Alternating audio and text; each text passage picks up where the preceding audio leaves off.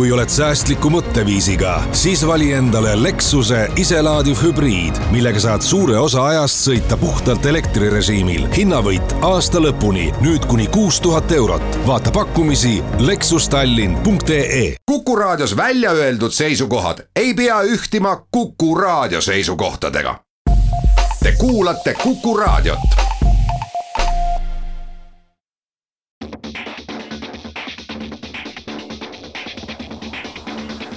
autotund. see on saade sulle, kui sul pole päris ükskõik, millise autoga sa sõidad. tere kuulajad, Autotund on jälle tagasi. stuudios on hetkel Martin Mets ja Tarmo Tähepõld Geenius autoportaalist. pärast liitub meile siia huvitav külaline ja märksõnaks, ma ütlen teile, on Jaapan aga see ei ole Toyota Gazoo Racing ega midagi sellist, vaid hoopis haruldasem. nii, millest me täna räägime?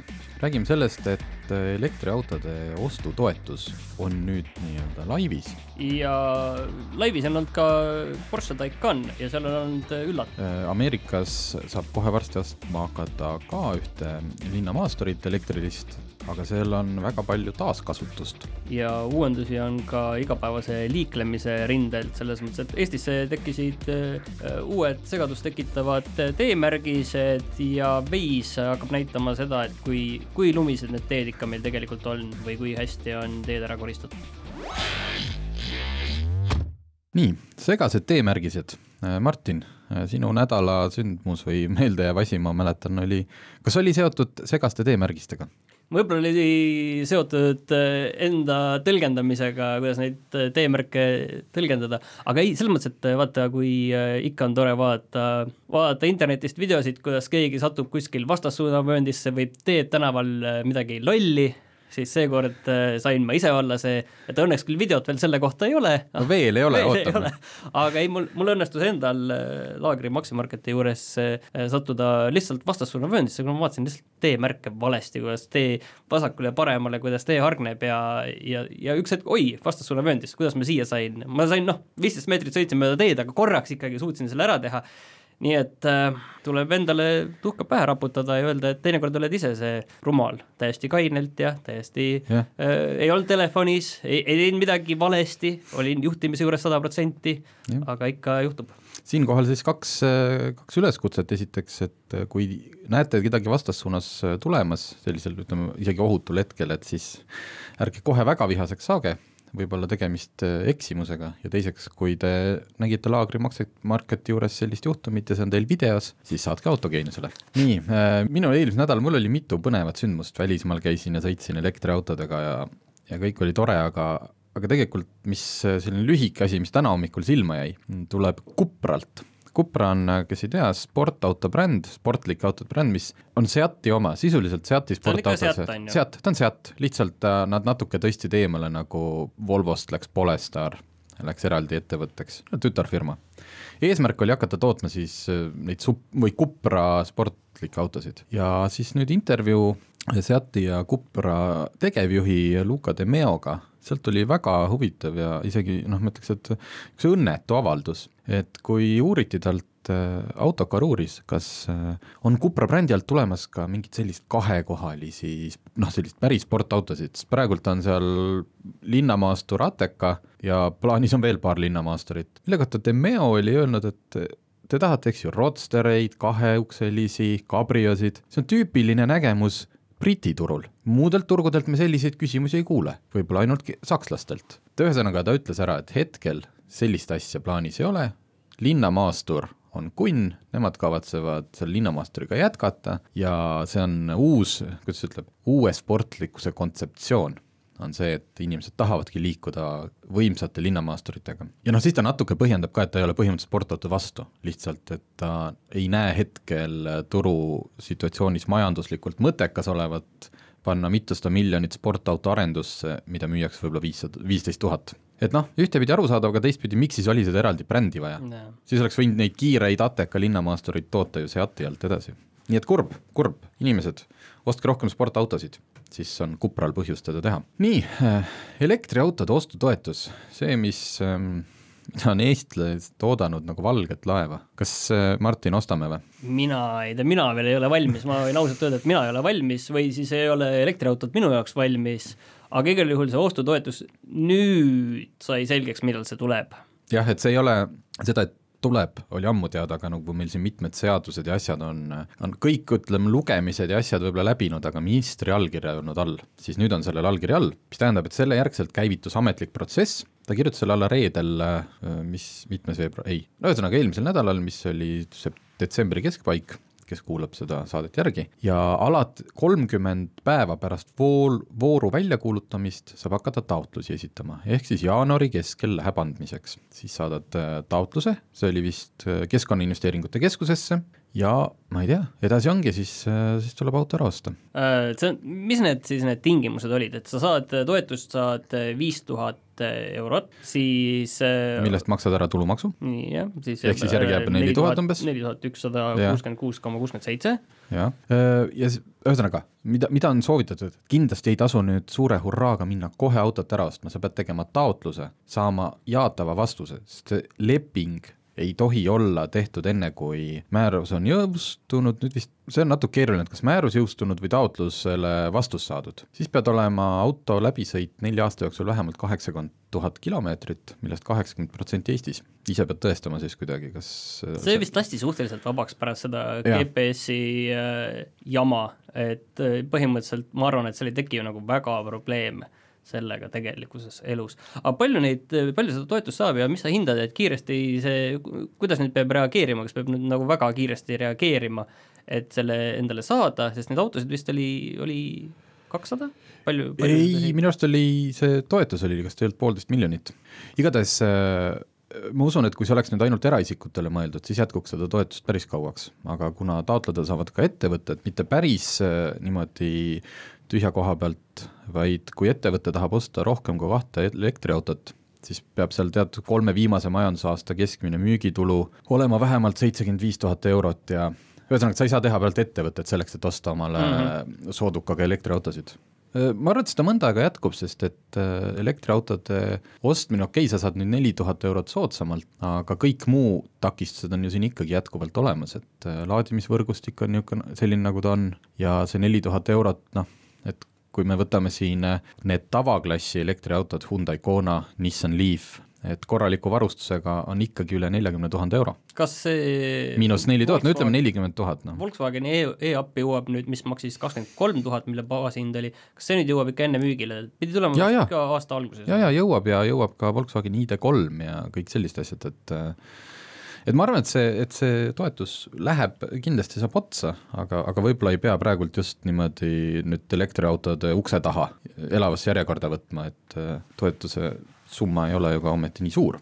aga loodame, et see näitab, hea oleks see, kui see töötaks. kui see võetaks praegult ära, ostetaks hulk elektriautosid, siis tähendab seda, et siis oleks riigil äh, motivatsiooni võib-olla veel ikkagi leida kuskilt natukene raha. me peame rääkima veel elektriautodest. oi, see on, ma, ma, ma teen ühe korra saate, teeme sellise, kus me ei räägi mitte ühtegi elektriauto uudist. aga, aga täna, see ei ole täna, see jah? ei ole täna. väike uudis Porsche Taycani kohta, on ametlikud numbrid VLTP standardi järgi, äh, mis ütle-, mis siis ettevõte paneb oma müügibrošüüridesse, kui palju on selle auto kütusekulu, elektriauto puhul siis energiakulu, äh, ja Porsche Taycan sai, äh, räägib siin tihti noh, päris suurest sõiduulatusest, nagu Model S, Tesla Model S-gi, aga äh, eraldi on Ameerika Keskkonnaagentuuri tulemused, EPA, ja neid äh, maailma elektriauto, eriti muidugi Tesla ja Tesla omanikud hindavad palju kõrgemalt, sest see on hästi palju täpsem. Ja seal läks Porsche Taycan turbol, see on hetkel olemasolevatest keskmise võimsusega versioon. turbo S on veel sealt olemas. sealt jah, ja siis all on veel Taycan 4S kui VLTP järgi on Taycan turbo sõiduulatus kuni nelisada viiskümmend kilomeetrit, siis EPA tõi selleks vaid kolmsada kakskümmend kolm kilomeetrit ehk sada kilomeetrit äh, vähem, isegi üle saja kilomeetri vähem. ütlesid järelikult seda kiirendipedaali korralikult võib-olla siis? Porsche Turbo S-il tuleb see, miilides rääkides tuleb see tõenäoliselt alla märgilise kahesaja miili ja see on ilmselt ameeriklase jaoks juba päris valus, sest et Model S Tesla Model S EPA järgi suudab sõita viissada kuuskümmend kilomeetrit. üks asi, millest me tegelikult elektriautode juures peaksime rääkima siin talve jooksul veel võib-olla mõne, mõne päris omanikuga, on see, et mida ma olen viimasel ajal tähele pannud ka elektriautode Facebooki grupis, on see, et talvel ikka see sõiduulatus kukub. ja kukub ikka drastiliselt, et kus see oligi näha näiteks pilte, kus äh, hommikul auto näitas, et saab sõita üle kahesaja kilomeetri ja päeva jooksul äh, selgus, et sõita sai sada ning äh, seal mõned protsendid akut oli veel alles jäänud, enam-vähem pool kaob seal auto soojendamise peale ära. ma arvan, et me teeme selle, kui on näha mingit külmalainet, siis ma lihtsalt võtan ühe elektriauto kuskilt ja proovin selle ise ära sest et tihti elektriauto omanikud ei taha võib-olla päris ausalt öelda, kui neil natuke halvasti on selle asjaga, aga võib-olla ei ole halvasti. nii, aga teeme siia pausi ja siis räägime edasi.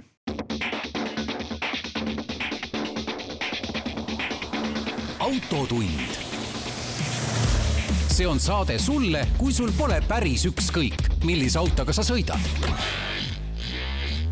autotund tagasi, no ei ole see saade see, kus me ei räägi elektriautodest, sest et uh, huvitavad uudised. Fisker, üks väga äge elektriauto Fisker Karma, millega ka meie oleme siin sõitnud, Tallinnas leidsime ühe, siis Fisker on välja tulemas kahjuks linnamaasturiga, Fisker Ocean noh, kõik numbrid on väga võimsad, et kak-, esiteks äh, hästi kiiresti laeb, lähevad välja ka sellise liisingu lahenduse peale, et nad väga omanik, inimestel ei tahagi seda autot müüa, vaid et sa saad selle omale liisida alates kolmesaja neljakümnest eurost kuus. Äh, aga mis selle puhul silma jäi, on, eks ta on natukene turundusjutt ka, ega me ei tea, kui palju, mitu protsenti sellest on, aga et see peaks olema maailma kõige jätkusuutlikum sõiduk. selle tootmises on kasutatud vegan ja looduslikke materjale ja taaskasutatud materjale, oota, nii ohka, jah, võtab ohkama. aga naljakas on see, salongi materjalide seast leiab taaskasutatud kalavõrke, T-särke, pudeleid ja rehve. seda ma arvan, et nad ikkagi nii ümbertoodetud kujul, nagu siin Eestis on näha olnud ju aeg äh,, vahepeal sellised pingid olid paar-, paigutatud avalikesse kohtadesse, mis oli äh, taaskasutatud plastikust ja mobiiltelefonidest. Äh, siis lisaks on Fisker Oceanil päikesepaneelkatus, mis no ilmselgelt California tingimustes, mitte Eesti tingimustes, peaks aasta lõikes kuni tuhat kuussada kilomeetrit äh, lisama sulle sõiduulatust, tasud, ehk siis saastevaba. mina olen nende päiksepaneelide kohta lugenud, et, et need, miks neid nagu ei kasutata autodel, on muidu, on see, et, et nad ei anna nagu mingit võitu et seal mahub sul kaks ruutmeetrit neid sinna katusele ja, ja see, see ei ole nagu piisav. ilmselt see on äh, seoses nüüd noh, ka päikesepaneelide arenguga on selline, et võib-olla nüüd juba tasub. et võib-olla on Fisker leidnud, äh, mitte kas nüüd ise leiutanud, aga suudab sinna panna võib-olla tänapäeva kõige, kõige efektiivsema selle paneeli mina julgeksin arvata, et äh, seda autot ikka üritatakse müüa sellele, kellel on tore mõelda, et tal on see paneel seal katusel ja ta teeb sellega head, aga Kindlasti, selle kasutegur on tegelikult minimaalne heal juhul. ma julgen ja. jääda selle arvamuse juurde. ja kalavõrgu. kui, kui kuulata nagu muidu kogu selle terve auto kontseptsiooni. aga ma ei tea, kas me lähme nüüd päriselu juurde edasi? no kui me saame, proovime siit välja, jah. Waze on äh, inimkonna okei okay,, mitte inimkonna, autojuhi suurim sõber. Äh, ja mitte ainult sellepärast, et seal mõnikord näidatakse, kus politsei on, vaid äh, sealt äh, tihti tuleb väga-väga kasulikku informatsiooni lisaks sellele, et ta leiab sulle kõige optimaalsema marsruudi, sest ta teab, kus on ummikud, siis seal on kirjas teetööd, seal on kirjas, mõned entusiastid panevad iga surnud looma tee ääres kirja, äh, tee ääres seisvad autod näiteks, noh, päevasel ajal tundub nagu võib-olla veits tobe, kui keegi on pannud kirja, et äh, tee ääres seisab auto, aga öösel või udu või kehva nähtavusega, täiesti imeline. seda kasutab ka Maanteeamet mingite, mingi info edastamiseks ja lisamiseks, kus on teetööd, aga nüüd on Waze lisanud ka võimaluse märkida ära, kus on äh, lumised ja kinni tuisanud teed, mis tähendab, et eestlastele võiks olla nüüd ikkagi väga, väga hea info, kui me nüüd, kui me seda kasutaksime, sest et äh, võib-olla siis teist padaoru äh, juhtumit enam ei tuleks, kui sa saad viis, viis kilomeetrit ennem teada, seal on kinni tuisanud, kohe hakkab hüüumärk vilkuma, et pööra nüüd mujale, ma ei tea, noh muidugi või, viimastel või, aastatel pole juhtunud. ei ole jaa, aga huvitav, kas sealt tuleb selliseid, väga palju selliseid äh, valepositiivseid, et selles mõttes, et meil on siin äh, kümme sentimeetrit äh, lund nüüd mõne tee peal ja siis mõni autojuht juba paneb, et asi on kriitiline, asi on kriitiline, ärge siit sõitke ja siis siis inimesed mõtte, mõtlevadki, et okei okay,, ma siis ei sõida, on ju, kuigi noh, see kümme sentimeetrit pole mingi maailma lõpp sealt on läbi sõita, et no aga tema istub seal oma sportautoga põhja peal sellel hetkel, tema jaoks on no vot ongi, siis äh, tekivad sellised valepositiivsed ja, ja, ja on paanikat ei mitte millestki. jah, aga igatahes nüüd teate, et talvel, kui äh, olete tõesti sellises harvas olukorras, et näetegi, et siit ei saa enam edasi, siis kindlasti märkige veisis ära, siis ei teki äh, sellist ummikut tee peale. aga nüüd segastest teemärgistest, eelmisel nädalal sattus internetis mitmelt poolt ette filmiklipp ja pildid kummalisest punakast, ma ei oskagi öelda, saarest. platvorm selline, platvorm, platvorm tee ääres. Eh, mis on ehitatud jah, niimoodi uus asfalttee Jõgevamaal, Kaarepere küla juures, uus asfalttee ja siis seal need eh, äärejooned lähevad nagu rohkem keskele kokku ja sinna sellisesse õgvendusse on mahutatud see platvorm. lisaks on tee äärde tekkinud valged sellised aiad, mis on pandud äh, asulamärgi ette. küsisime Maanteeametist järgi ja selgus, et me olime lausa isegi, äh, raputame tuhka pähe, vist on see väljend, äh, olime sellega pressiteate või uudisi maha maganud, et see oli täiesti Maanteeametil seal kodulehel olemas, et see on test, katsetatakse kahes kohas, Väike-Maarjas ja Kaareperes, just nendes asulates kus see asulamärk tegelikult algab nagu natukene enne, kui juhile tundub, et nüüd on visuaalselt asula, mis tähendab seda, et juhid ei võta seal viiekümne peale kiirust maha, vaid lasevad rahulikult, ma ei tea, kaheksa-üheksakümnega edasi ja siis, kui esimene maja tuleb, et noh, siis pidurdatakse, sest siis hakkab päriselt äh, asula, mis äh, Maanteeameti hinnangul või noh, ohutuse hinnangul on äh, siiski natukene hilja juba. Aga ma saan aru, et inimesed on päris pahased tegelikult selle no, pahased, peale, sest äh, ütleme nii, et kui natukene lund sajab äh, ja siis muutub see see platvorm suhteliselt halvasti nähtavaks ja siis sa sõidad selle platvormi otsa, et see juba, need platvormid, ma saan aru, ilma lumeta juba sõideti vilbasteks seal Kaarepere seal oli kummaline olukord jah, et seal platvormi ees muidugi asub tähistatud Elkur post ja ka platvormi küljes on Elkurid, aga mingil kas siis teadlikul või tahtmatul põhjusel oli keegi suutnud need postid maha sõita ja sellisel juhul seda platvormi enam näha ei ole. üks heatahtlik juht pani siis selle posti sinna ette niimoodi pikali, et see no nagu midagigi peegeldaks, aga et leitakse, et see suurendab hoopis ohtlikkust, sest et kui sinna otsa sõidad täiehooga, siis on sul rehvid ja siis lendad teelt välja ja kõik asjad. no vot, see on nüüd kahe otsaga asi, ma käisin täna selle Google Maps'iga või seal noh, Street View'ga sõitsin läbi, siis tegelikult, kui on sellises kohas asulamärk, siis see ei ole niimoodi, et plauhti, sõidad nurga tagant välja, nüüd on asulamärk ja siis püüab pidama saada ja siis on seal see pagana platvorm ja kõik õnnetused. enne seda mõlemalt poolt tulles on seitsmekümne märk, tähendab seda, sa võtad seitsmekümne peale, siis sa näed juba asulamärki, et see, et see mõte ongi selles, et noh, see ongi test praegult, seda ei paigaldata igale poole. See ei ole, ei ole isegi kindel, et nad pärast uuesti sinna tulevad, aga nüüd on näha, kui inimesed ei sõida, ei suuda nagu või ei võta hoogu maha, viiekümnega kui sa selle märgi ja platvormi lähened, noh siis ei ole probleemi sinna ära mahtuda ka kahel rekkal kõrvuti. aga Eestis on tegelikult väga paljudes kohtades on asulaid ju selline väike jõnks ja, ja, ja ongi nagu, mis on üsna tavapärane, kõik on harjunud, et sa teed selle jõnksu ja ja on ehitatud need ohutussaared keset teed, et need selle on jaoks kiiruse maha ja, ja siis paratamatult sa ei lenda sinna kaheksakümnega sisse. ilmselt siis niisugune platvorm on kas võib-olla ohutum lahend või lihtsam, mitte ohutum, vaid odavam, et neid kesksel ohutussaarte ehitamine on kallim, aga sellise vaht kummi, mingi sellise platvormi saab lihtsamini sinna kruvida, et noh, näis, et muidugi iga uus ja asi, harjumatu asi on äh, natukene kehva, aga proovige siis enne asulat märgi juures viiekümnega siseneda, siis on kõik hästi. aga kust tuleb üheksakümnega sõita ja, ja tuli ka üks uuendus, on äh, Tallinna-Rapla-Türi maanteel, kus tehti kolme koma nelja kilomeetri pikkusele teelõigule tavaline kaherealine tee, ehitati vahele see aed. et mitte minna. kummipostid, nagu meil ja, on, kummipostid on olnud siin äh, Narva maantee peal seal äh, Asperes, et äh, inimesed on selles suhtes ka väga, väga nagu kahte lehte kohe, et no eks ta muidugi, nüüd sa ei saagi mööda sõita, mööda sõita ja kõik arvavad, et kui traktor on seal kolmekümnega sõidab ees, on ju, siis sõidad, sa jah. oled kolm kilomeetrit seal no ei tea, see on nüüd nii värske uudis, et me peame seda nüüd natuke analüüsima, aga lihtsalt teate, et Rapla-Türi tee peal on selline koht ja sõitke siis ettevaatlikult ja ärge üritage mööda minna. teeme väikse pausi ja siis juba tagasi koos külalisega.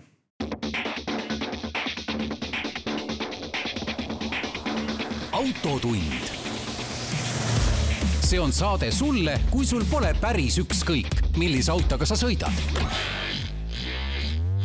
autotund on tagasi ja stuudiosse on tulnud kolmas inimene Äh, Jarmo Nuutre, kes on, äh, tahtsin alguses öelda tuuningu entusiast ja mind parandati, et see on custom, custom autode entusiast. ja teeks siis esimese asjana kohe selgeks, kas, kas või mis vahe on tuuningul ja customil? tere, no põhimõtteliselt tuuning on ka custom, sest et see on auto ju modifitseerimine ja kui hakata nüüd võtma algusaegade peale, siis ju kõik asjad tulidki tänu üldse hot rodidele ja sealt on tulnud ka see nii-öelda siis tuuningu maailm ja, ja kõikide autode modimine, ühesõnaga, et põhimõtteliselt kõik, mis on moditud, on custom tegelikult. Okei okay,, see on äh, nagu lihtsalt sõnavara küsimus, et custom oleks õigem öelda no eh, lihtsalt, lihtsalt tuntakse enamalt nagu modernsemate autode ümberehitust tuntakse pigem tuuninguna, aga custom on ikkagi faktiliselt. ahah, selge, okei okay nüüd, nüüd sai selgemaks, siin on natuke ajaline, et kui sa ikkagi vanema autoga midagi oled tegema hakanud, siis äh, pigem on custom. pigem on custom jah, et ja. see niisugune tunnetuse küsimus laias laastus, aga põhimõtteliselt ikkagi customizing, kõik see asi. Aga miks me Jarmo oleme siia kutsunud, on see, et äh, Jarmo on hakanud välja, välja andma ühte ajakirja ja sellist ajakirja vist Eestis varem pole kunagi välja antud. minu teada mitte. et selle nimi on siis äh, Discustom, Discustom, Custom Magazine ja sa oled selle praktiliselt peaaegu üksi ise teinud? põhimõtteliselt küll, jah. Et küll pildimaterjali osas on äh, veidikene abi, et teen ise pilte, pruut teeb pilte, mõni sõber teeb pilte ja Jaapanis on veel enda nii-öelda lausa fotograaf olemas, kes teeb sealsetest autodest pilte. aga kõik ülejäänu panin ise kokku, jah et ma hoian seda ajakirja praegu käes, et see on, see näeb väga uhke välja, mul on küsimus, et miks sa midagi sellist teed? tahan no selle konkreetse ajakirja idee tuli äh, ka tegelikult äh, tagasi tulles ühelt järjekordselt Jaapani custom turismi äh, palverännakult. see, sellest me räägime kohe varsti pikemalt. ja, jah, ja ühesõnaga see alati sealt tulles tuleb mingisugused ideed pähe ja siis toona paar aastat tagasi ma mõtlesin ka, et aga miks mitte, võiks teha Kustomi ajakirja, mis on pühendatud äh, masinatele, mis on tehtud veidikene veidramatest toorikutest kui tavapärased customid ja otroodid. aga mis see, mina olen ikka oma sõnades kinni, kui me rääkisime customist, siis mis asi on discustom? no discustom on puhas sõnamäng lihtsalt.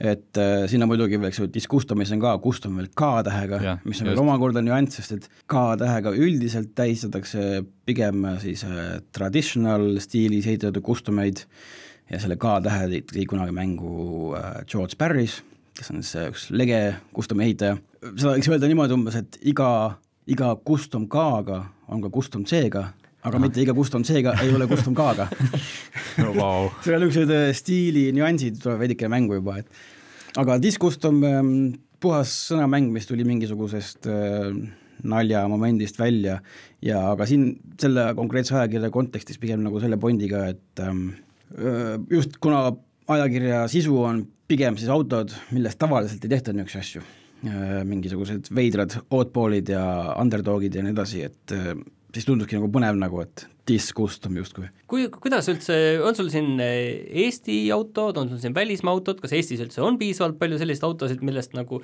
pidevalt ajakirja välja anda? hetkel veel pidevat materjali Eestist ei tule, loodetavasti see custom elu ikka edeneb siin Eestis ja hakkab ka pidevalt materjali peale tulema. kuigi jällegi siin on kerge nišš, et näiteks kuuekümne neljanda aasta Impala lowriderit ma siia ajakirja paneks, sest et see on lihtsalt nii tavaline asi lowrideri maailmas, et äh, ta lihtsalt ei oleks nagu põnev selle ajakirja jaoks. aga üldiselt äh, pigem on autod igalt poolt, igalt poolt üle maailma. Esimeses ajakirjas on päris mitu autot Jaapanist, on Taanist ja on Inglismaalt ja nii edasi mm. -hmm. aga kas see, kas see on Eestis noh, tõusuteel, noh, kui majanduses on head seisud, ostetakse rohkelt sport- ja muid autosid, aga kas ka selline noh, ilmselgelt auto customi maailm ei ole noh, selline od väga odav ala et no, kas on näha tõusuteed, sest ma tean, et Soome, ma olen näinud Soome igasuguste näituste pilte, et seal on ju väga no Soome väga..., Soomes on väga hästi, Rootsis on veel paremini, Kesk-Euroopas on ka päris hästi. aga kas asi on rahas või asi on sellest, võib-olla ei ole nii, siin nii palju pigem on küsimus teadlikkuses, sest et Eestis on inimestel raha küll, aga pigem nad ostavad selle eest võib-olla näiteks X5 või midagi, sest nad lihtsalt ei tea, et on olemas selliseid asju ka. Et ähm, ma ikkagi loodan, et see teadlikkus ka tõuseb siin. Rohkem niisuguste pillidega. mul on nagu mulje jäänud, et Eestis kogu see custom'i skeene, et see on väga seotud pigem äh, USA-ga. Äh, üsna, võib öelda küll nii, ja tegelikult ta on ka tihtipeale ka maailmas pigem kui nagu USA auto teema. Aga seda ma tahangi siin purustada, et äh, selles mõttes läbi aegade on tehtud maailmas ka kõiki muid, kõiki muude maade toodangust customeid. Eestis vist kokkutulekud, need on ka kõik seotud ikka rohkem USA masinatega? mitte alati, aga ütleme see rõhk on seal paljuski need üritused, mis me ise korraldame, selle ka Discustumi Meet'i või Discustum Cruise Nighti nime all, need on pigem meelega just rõhutame seda, et kõik on oodatud, erinevad žanrid, erinevad välja, või need tootmisriigid ja nii edasi, et aga paljuski tõesti on see USA keskne noh, hästi palju ma tean Eestis vähemalt ka selliste miitide või kokkusaamiste tasemel on ka JM ehk siis Japa-, Jaapani autod, Japanese domestic. JDM-i teema on ka väga teema, jah. on, et need mahuvad väga hästi ka sinna Discustomi jaa, jaa, absoluutselt. mis ongi meil saate teise poole teema, see kogu see Jaapan, aga kuidas sa ise sinna, on sulle alati see meeldinud, kaua sa oled sellel, sellel skeenel või asjaga tegelenud? ja kuidas sa sinna jõudsid üldse okei, räägi. no noh, ilmselgelt, jah, mitte ilmselgelt, aga ühesõnaga autod, autod on meeldinud lapsest saati, kuid konkreetselt custom'i ja üldse põnevate autode teema tuli minu ellu neljateistaastaselt ja see kõige suurem mõjutaja oli vist V8 Magazine ehk siis Soome lege mm -hmm. Ameerika nagu ajakiri. ja eks sealt tulid väga palju neid ähm, infosid ja seda alg, alginspiratsiooni ja nii see on lihtsalt aegapidi läinud ja noh, nüüd ma lihtsalt kaevun, kaevun erinevatesse Custumi ajaloo nii-öelda ürikutesse ja uurin kõik neid ajaloolisi sidemeid, kuidas, miks mingisugused žanrid on tekkinud, miks nad on niimoodi arenenud, kuidas see nii on läinud, kas või kuni selleni välja, et miks on, miks on vippautode rattal nii rääpas. sest ka see on areng, see ei ole tulnud järsku, see lihtsalt on areng juba tegelikult kolmekümnendast saatini olnud. jah, et kes äh, huvi tunneb, siis äh, Discuss Discustom äh, Magasin ongi vist Facebooki leht ka? Facebookis ja Instagramis, jah. jah, et sinna on Jarmo kirjutanud väga huvitavaid tekste, mis on noh, tõesti, et ma olen ka automaailmas olnud päris pikalt, aga kui sa loed neid tekste, siis saad aru, et see on ikka täiesti, täiesti teine, teine skeene kui see uute, uute ja võib-olla nagu tuntumate autode maailm. aga mis su enda esimene auto oli? mis, Pobeda, viiskümmend seitse aasta Pobeda. kas sellest äh, sai ka midagi? Äh, sellel me shave isime lingid ära, muidugi eriti rotil teemal lihtsalt makroflexiga puhtalt ja noh, nii see jäi lõpuks aga kas oli ka kunagi oht või hetk, kus sa mõtlesid, et pagan, see kupee kolmene bemm oleks ikka ka lahe. Mul kusjuures kupee kolmest ei ole olnud, aga mul on E kolmekümnest olnud äh, kolm tükki ja BMW üldse vist viis või kuus hetkel, nii et äh, selles mõttes mulle BMW väga meeldivad. No ma mõtlesin tegelikult seda teist suunda, et mitte, mitte kustomeerituna, vaid et lihtsalt äh, kiiresti niimoodi sõita. ei, ma ei tea, kiirused ei ole päris minu teema, ma olen pigem selline edev lihtsalt rohkem. Jaa, ei, lihtsalt on hetke, hea hetk praegult see paus ära teha ja siis suunduda Jaapanisse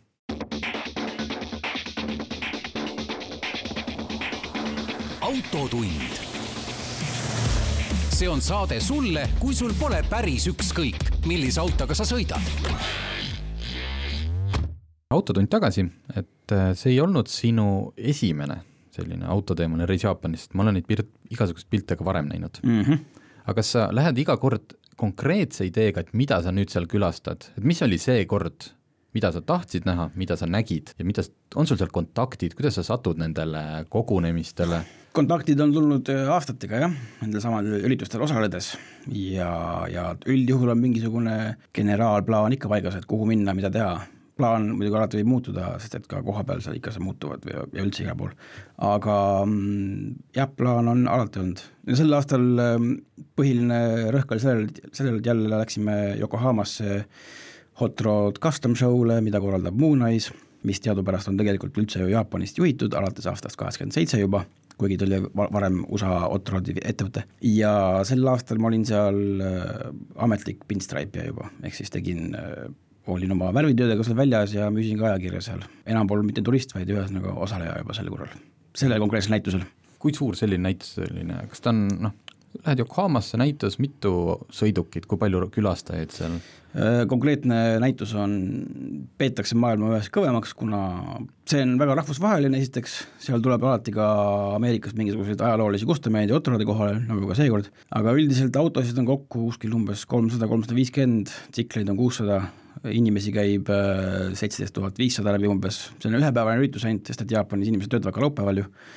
ja, ja noh, siis nii ongi ahah, aga Martin? jaa, mis näiteks mingi kõige mingi hullumeelsem asi on, et nagu anda kuulajatele nagu mingit ettekujutust, et mida seal nagu tehakse? no ütleme, see näitus on, see konkreetne näitus on lihtsalt nagu näituse vormis asi, aga meie endi isegi nagu kogu selle reisi highlight võiks olla Shibuya Cruise, mida me külastasime teist korda sel korral ja sel korral, kuna noh, on tekkinud juba kohalikud kontaktid, siis saime ka minna nii-öelda edasi kruiisile, kust see tavaliselt läheb Shibuya juurest Yoyogi pargi äärde, mis on mõned kilomeetrid eemal. üldiselt see Shibuya ristmik, mis on seal Tokyos, see tohutu suur ristmik, hästi kuulus, kust mm -hmm. läheb iga foori tulega läheb tuhat inimest üle, eks ju. sellest kakssada meetrit eemal on järgmine ristmik, kus siis on iga kuu esimesel laupäeval, umbes õhtul kella kümnest algab, keskpäeva paiku on tipphetk, kutsutakse lowriderite kruiisiks, aga seal on kõike, seal on lowriderid, JDM-id, hot rod'id, Pososokud, Kaido racerid, Shokushad, madalad rollerid, tongid, superautod a la Lamborghini, millel on karupoeg Puhhi maalingud peal ja nii edasi, nagu noh, täielik sõgedus. Lowriderid hüppavad, sõidavad kolme ratta peal, keset liiklust, taksod, autod, politseinikud, kõik, noh, see on niisugune täiesti sõge, sõge möll, mis seal käib nagu, et aga kas see politsei on seal selleks, et vahele võtta või on ta nagu või on see selline traditsioon, et kui te, keegi otseselt reegleid ei riku, siis nagu ma ei tea, väljamõõtu mõõtma ei tulda ja no selles mõttes reegleid rikutakse, sest et ega liikluses lowrideriga hüppamine ja kolmeratta peal sõitmine ja sädemete pilve najal vist kõige nagu otsesem või õigem asi ei ole, aga üldiselt politsei Jaapanis äh, suhtub küllaltki rahulikult kuni selle hetkeni, kui neil mõõt täis saab. ma just mõtlesingi, et, et keegi ei sõida kahesajaga, vaid et see hüppamine, et noh, see käibki asja juurde, aga see käib asja juurde jah ja., ja ikka üldiselt nagu piisavalt äh, hillitsetud ja korralik. no näiteks Taikoku parkla, mis on see lege kokkusaamiskoht, eks ju, Vangani kiirde peal, seal ju on põhimõtteliselt iga õhtu on autoshow, laupäeviti on seal ka need siis soundi bussid kohal, mis on kakskümmend bussi reas, mis täie litiga lajatavad musa ja sama parkla peal on ka politseijaoskond ja tavaliselt politsei laseb ikka päris kaua selle asja kesta seal nagu, et äh, samamoodi seal kruiisil ka, aga üldiselt äh, mingil hetkel, kui neil saab kopp ette, siis nad lihtsalt hakkavad väikseid äh, inimesi ära, ära ajama ja, ja sellel kruiisil tavaliselt minnaksegi siis edasi Yoyogi pargi äärde, kus on põhimõtteliselt kaks korda kolm rida tänavat, autod pargivad mõlemal pool tee ääres ja seal läheb ikka täielik hullumeelsus lahti, et kui ma seekord sinna jõudsin, siis ma, minu nagu ajutegevus katkes ja ma toimisin ainult selja aju pealt, nii et seal seal lihtsalt noh, näed, kuidas äh, tuleb jälle mingi kuuskümmend neli impala äh, nagu noh, niimoodi niisuguste hüpetega, et ta käib tagastangega vastu maad ja sädemel lendab ja minitrakid lasevad kõhu vastu maad ja sõidavad mööda teed sädemepilvega. erinevad VIP-autod, äh, JDM-i asjad, driftimasinad, otroodid, tsiklid, no see on täielik, täielik sõgedus, mis seal toimub nagu, et aga sa ütlesid, et sa nüüd seekord olid rohkem nagu tuttavad, et sa läksid ka sinna Yogi parki edasi, et kas sinna saab siis, pead kedagi tundma või sa lihtsalt sa, sa võid sinna otseselt jala minna tegelikult, et, et see on, ta ei ole nagu nii kaugel, ta on mingi niisugune jalgsi minnes ütleme kümme-viisteist minti võib-olla kõndida. okei okay,, aga ta ei ole kuidagi selles mõttes, et kui mina lähen lihtsalt turistina Jaapanisse, vaatan ära kõik templid, söön palju Jaapani toitu, siis ma võin minna mõni õhtu vaatama ka neid Jaa, asju. vabalt. et see ei ole see konkreetne üritus on täitsa ligipääsetav äh,, iseasi on nüüd seesama Taikoku parkla või siis näiteks see äh, Tatsumi parkla, mis on äh, Tokyo pool, mis on pigem niisugune nagu street race'i alguse punkt mm. -hmm. lihtsalt need parklad on kiirtee peal ja sinna ei pääse ühistranspordiga ega taksoga selge, et sul peab lihtsalt olema oma rendiauto aga.... jah, ja kusjuures alates eelmisest aastast Eesti inimesed lõpuks saavad Eesti loaga rentida autost äh, Jaapanis ja mida me ka seekord tegime, me olime küll eelmisel aastal, käisime ka seda Tokyo linnas nende Super Mario kartidega sõitmas mm, -hmm. mille jaoks ikka lube vaja ja sõidad noh, mingi superkangelase kostüümiga kardiga ringi mööda linna, mis on väga omaette elamus. aga tõesti, seekord saime ise rentida auto ja, ja nii oligi, läksime sellega, sõitsime mööda Vangarit nagu Midnight Clubi tüübid ja hiljem äh, samast Taikokust koos sealsamas kohatud uute tuttavatega sõitsime mööda Vanganit koos Nissan Silvia ja Skyline'iga tagasi mööda Vanganit Tatsumi parkla poole, et niisugune veits oli juba street race'i feel ka. Aga ma tahtsin küsida selle kardisõidu kohta, et kas see on ka keset liiklust, on need kardid? jah, see... ja saad valida eri linnaosades, me oleme sõitnud aga samamoodi seal Shibuya kandis üle selle suure Shibuya ristmiku ja sõidadki nende kartidega lihtsalt, seal need on numbrid küljes ja liikluse vahel lihtsalt, veokad ja bussid ja taksod ja asjad see tundub natuke hirmuäratav mulle. see on päris kõhe, aga päris, päris tore ka aga kas see, äh, me ei jõua pikalt rääkida Midnight Clubist, mis on põhimõtteliselt kaheksakümnendate, üheksakümnendate selline kaheksakümmend seitse kuni üheksakümmend üheksa vist oli. jah, väga superautodeks tuunitud autode, või noh, salajane klubi mm, -hmm. see ei olnud midagi avalikku, ma mäletan selle kõige, minu jaoks kõige nagu müstilisem oli see mitte, et kui võimsad autod ja kui vastupidavad need olid, vaid see Jaapani, noh see, mis on filmides jäänud, see samuraid niisugune uhkus, et seal mm -hmm. oli põhikirjas kirjas, et kui juhtub esimene õnnestus, kui meie põhjustame või ja. esimene õnnestus, siis klubi lõpetab tegevuse ja nii oligi. jah, Vasaslaku gäng lendas sõidu ajal sisse, kaheksa inimest sai vist surma ja üle palju mingi vigastada ja, ja põhimõtteliselt samal öösel läks klubi laiali ja oli kõik. et see on nagu, aga kas midagi on asemele tulnud või kas toimub selline öine või, võidusõit jätkuvalt? ei no neid võidusõite on ikka, seesama, seesama Tatsumi parkla Tokyo poole peal, selle Wangani kiirde peal, sinna tulevad õhtuti ka ärimehed oma Ferraridega, ülikond seljas, kruvivad autol eest numbri maha, et ka kaameratesse jääks ja nii et äh, kas seal, selle, selle kultuuriga võib rahule, selles mõttes ei ole Jaapanis midagi sellist, et äh, nagu öeldakse, et noh, noored ei tunne enam autode vastu huvi ja kõik on natukene nagu hääbumas või?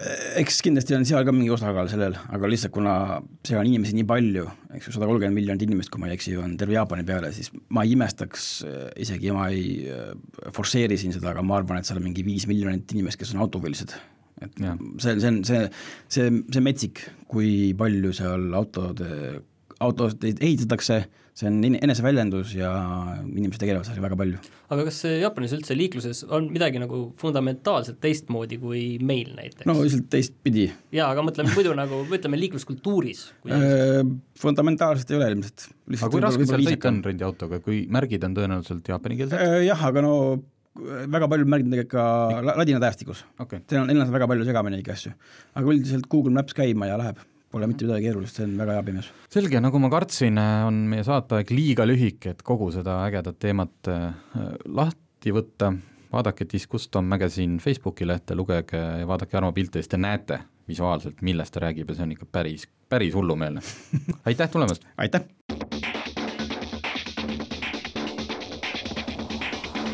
autotund see on saade sulle, kui sul pole päris ükskõik, millise autoga sa sõidad